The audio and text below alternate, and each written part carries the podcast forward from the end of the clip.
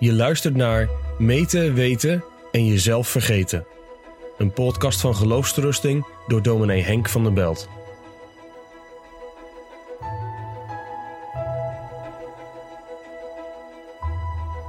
Een van de grootste problemen met de geloofszekerheid in de moderne cultuur is misschien wel dat die verborgen verbinding tussen hemel en aarde, tussen Jezus in de hemel en de zondaar op aarde, zo onder druk staat.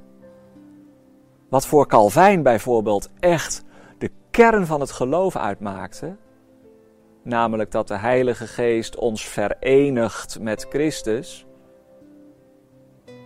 dat leeft voor heel veel mensen in onze tijd niet meer zo. Jezus is zo ver weg. De hemel is zo ver weg. We moeten het doen met wat de aarde biedt.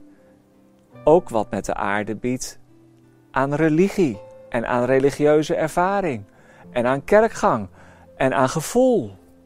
De Bijbel leert ons: zoek de dingen die boven zijn. Net zoals dat vliegertouw, waardoor de vlieger aan de vliegeraar verbonden is.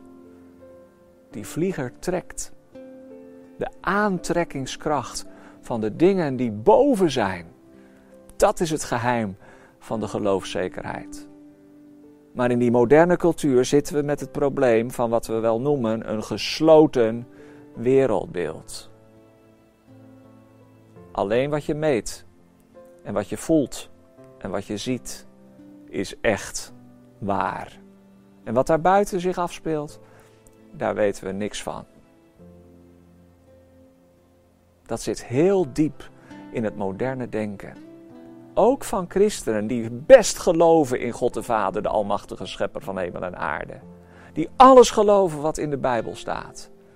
En toch, om het nog maar met dat beeld te zeggen, hangt dat vliegertouw vaak erg slapjes.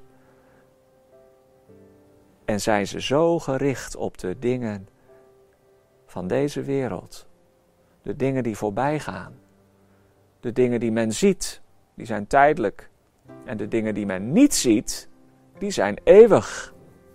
Wat kunnen we dan doen om die verborgen verbinding tussen hemel en aarde, om dat werk van de Heilige Geest, die met Christus verbindt, weer alle ruimte te geven? Nou, als het het werk van de Heilige Geest is, dan kunnen wij dat dus niet doen. Dat is duidelijk. Maar we kunnen de Geest wel bedroeven. En zelfs uitblussen, dat het vuur van de Heilige Geest niet meer brandt. Door zo gericht te zijn op de dingen die voorbij gaan, de tijdelijke dingen. Dat Christus, de hemel, de eeuwige dingen uit het zicht verloren raken. Het grote geheim van het werk van de Heilige Geest, die verborgen verbinder met Christus, is dat de Geest werkt door het Woord. Een van de mooiste Bijbelse geschiedenissen waarin dat geïllustreerd wordt, is de geschiedenis van Lydia. Zat een modeatelier.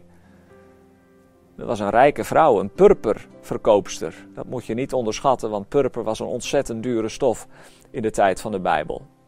Maar die rijke vrouw, een heidense vrouw, was geïnteresseerd geraakt in het Joodse geloof. Al die goden konden haar hart niet vervullen. Er was maar één God, de God van Abraham, de God van Isaac, de God van Jacob. En zo was zij een godvrezende vrouw geworden. Nou, niet dat ze heel vroom was, zoals wij dat woord gebruiken, maar godvrezend wil in het Nieuwe Testament zeggen, ze hoorde bij de Joden genoten. Ze was van heidense afkomst, maar geïnteresseerd in het Joodse geloof. En dan komt de apostel Paulus op het juiste moment Nee, eigenlijk moet ik het anders zeggen. Dan komt de Heer Jezus in de boodschap van het Evangelie, door middel van de apostel Paulus, precies op het juiste moment, daar in Filippi. En dan lezen we in Handelingen 16 dat de apostel Paulus, nadat hij dat gezicht gezien had en overgestoken was naar Troas, daar begint te spreken bij het water. Een zekere vrouw, van wie de naam Lydia was, een purperverkoopster uit de stad Thyatira, die God diende, luisterde naar ons. En de Heere opende haar hart, zodat zij acht gaf op wat door Paulus gesproken werd. Wat een simpele bekeringsgeschiedenis. Getrokken uit de duisternis van het heidendom, geïnteresseerd in de God van Israël, opent de Heere haar hart. Hoe doet hij dat dan? Nou, precies zoals hij het nu nog doet.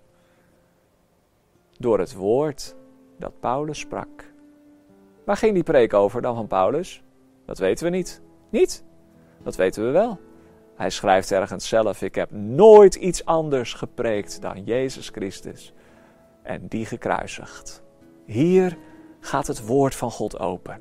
De schriften van het Oude Testament die heen wijzen naar de Messias Jezus. En Paulus brengt de eenvoudige boodschap dat hij gekomen is om de wet te vervullen, dat hij gekomen is om de schuld te verzoenen, dat hij gekomen is om te verlossen en zalig te maken wat verloren was. Jezus, de gekruisigde, die zichzelf in de dood heeft overgegeven, plaatsvervangend, als verlosser, als Goel. En kijk eens wat er gebeurt met Lydia. Door dat evangeliewoord wordt haar hart geopend voor het woord. Door de Heilige Geest wordt haar hart geopend voor de Heer Jezus Christus. En hier wordt die onlosmakelijke verbinding gelegd tussen deze purperverkoopster en deze zaligmaker. Zij is één van de duizenden, één van de miljoenen die door dat woord van het evangelie geraakt, vernieuwd, ja, met Christus verenigd zijn. En dat kan nooit meer stuk. Lydia verliest zichzelf. Ze vergeet zichzelf, omdat ze de Heer Jezus lief krijgt.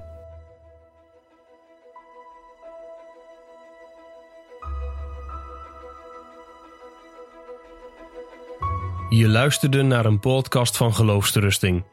Wil je meer luisteren, lezen of bekijken? Steun dan onze missie en ga naar de website geloofsterusting.nl.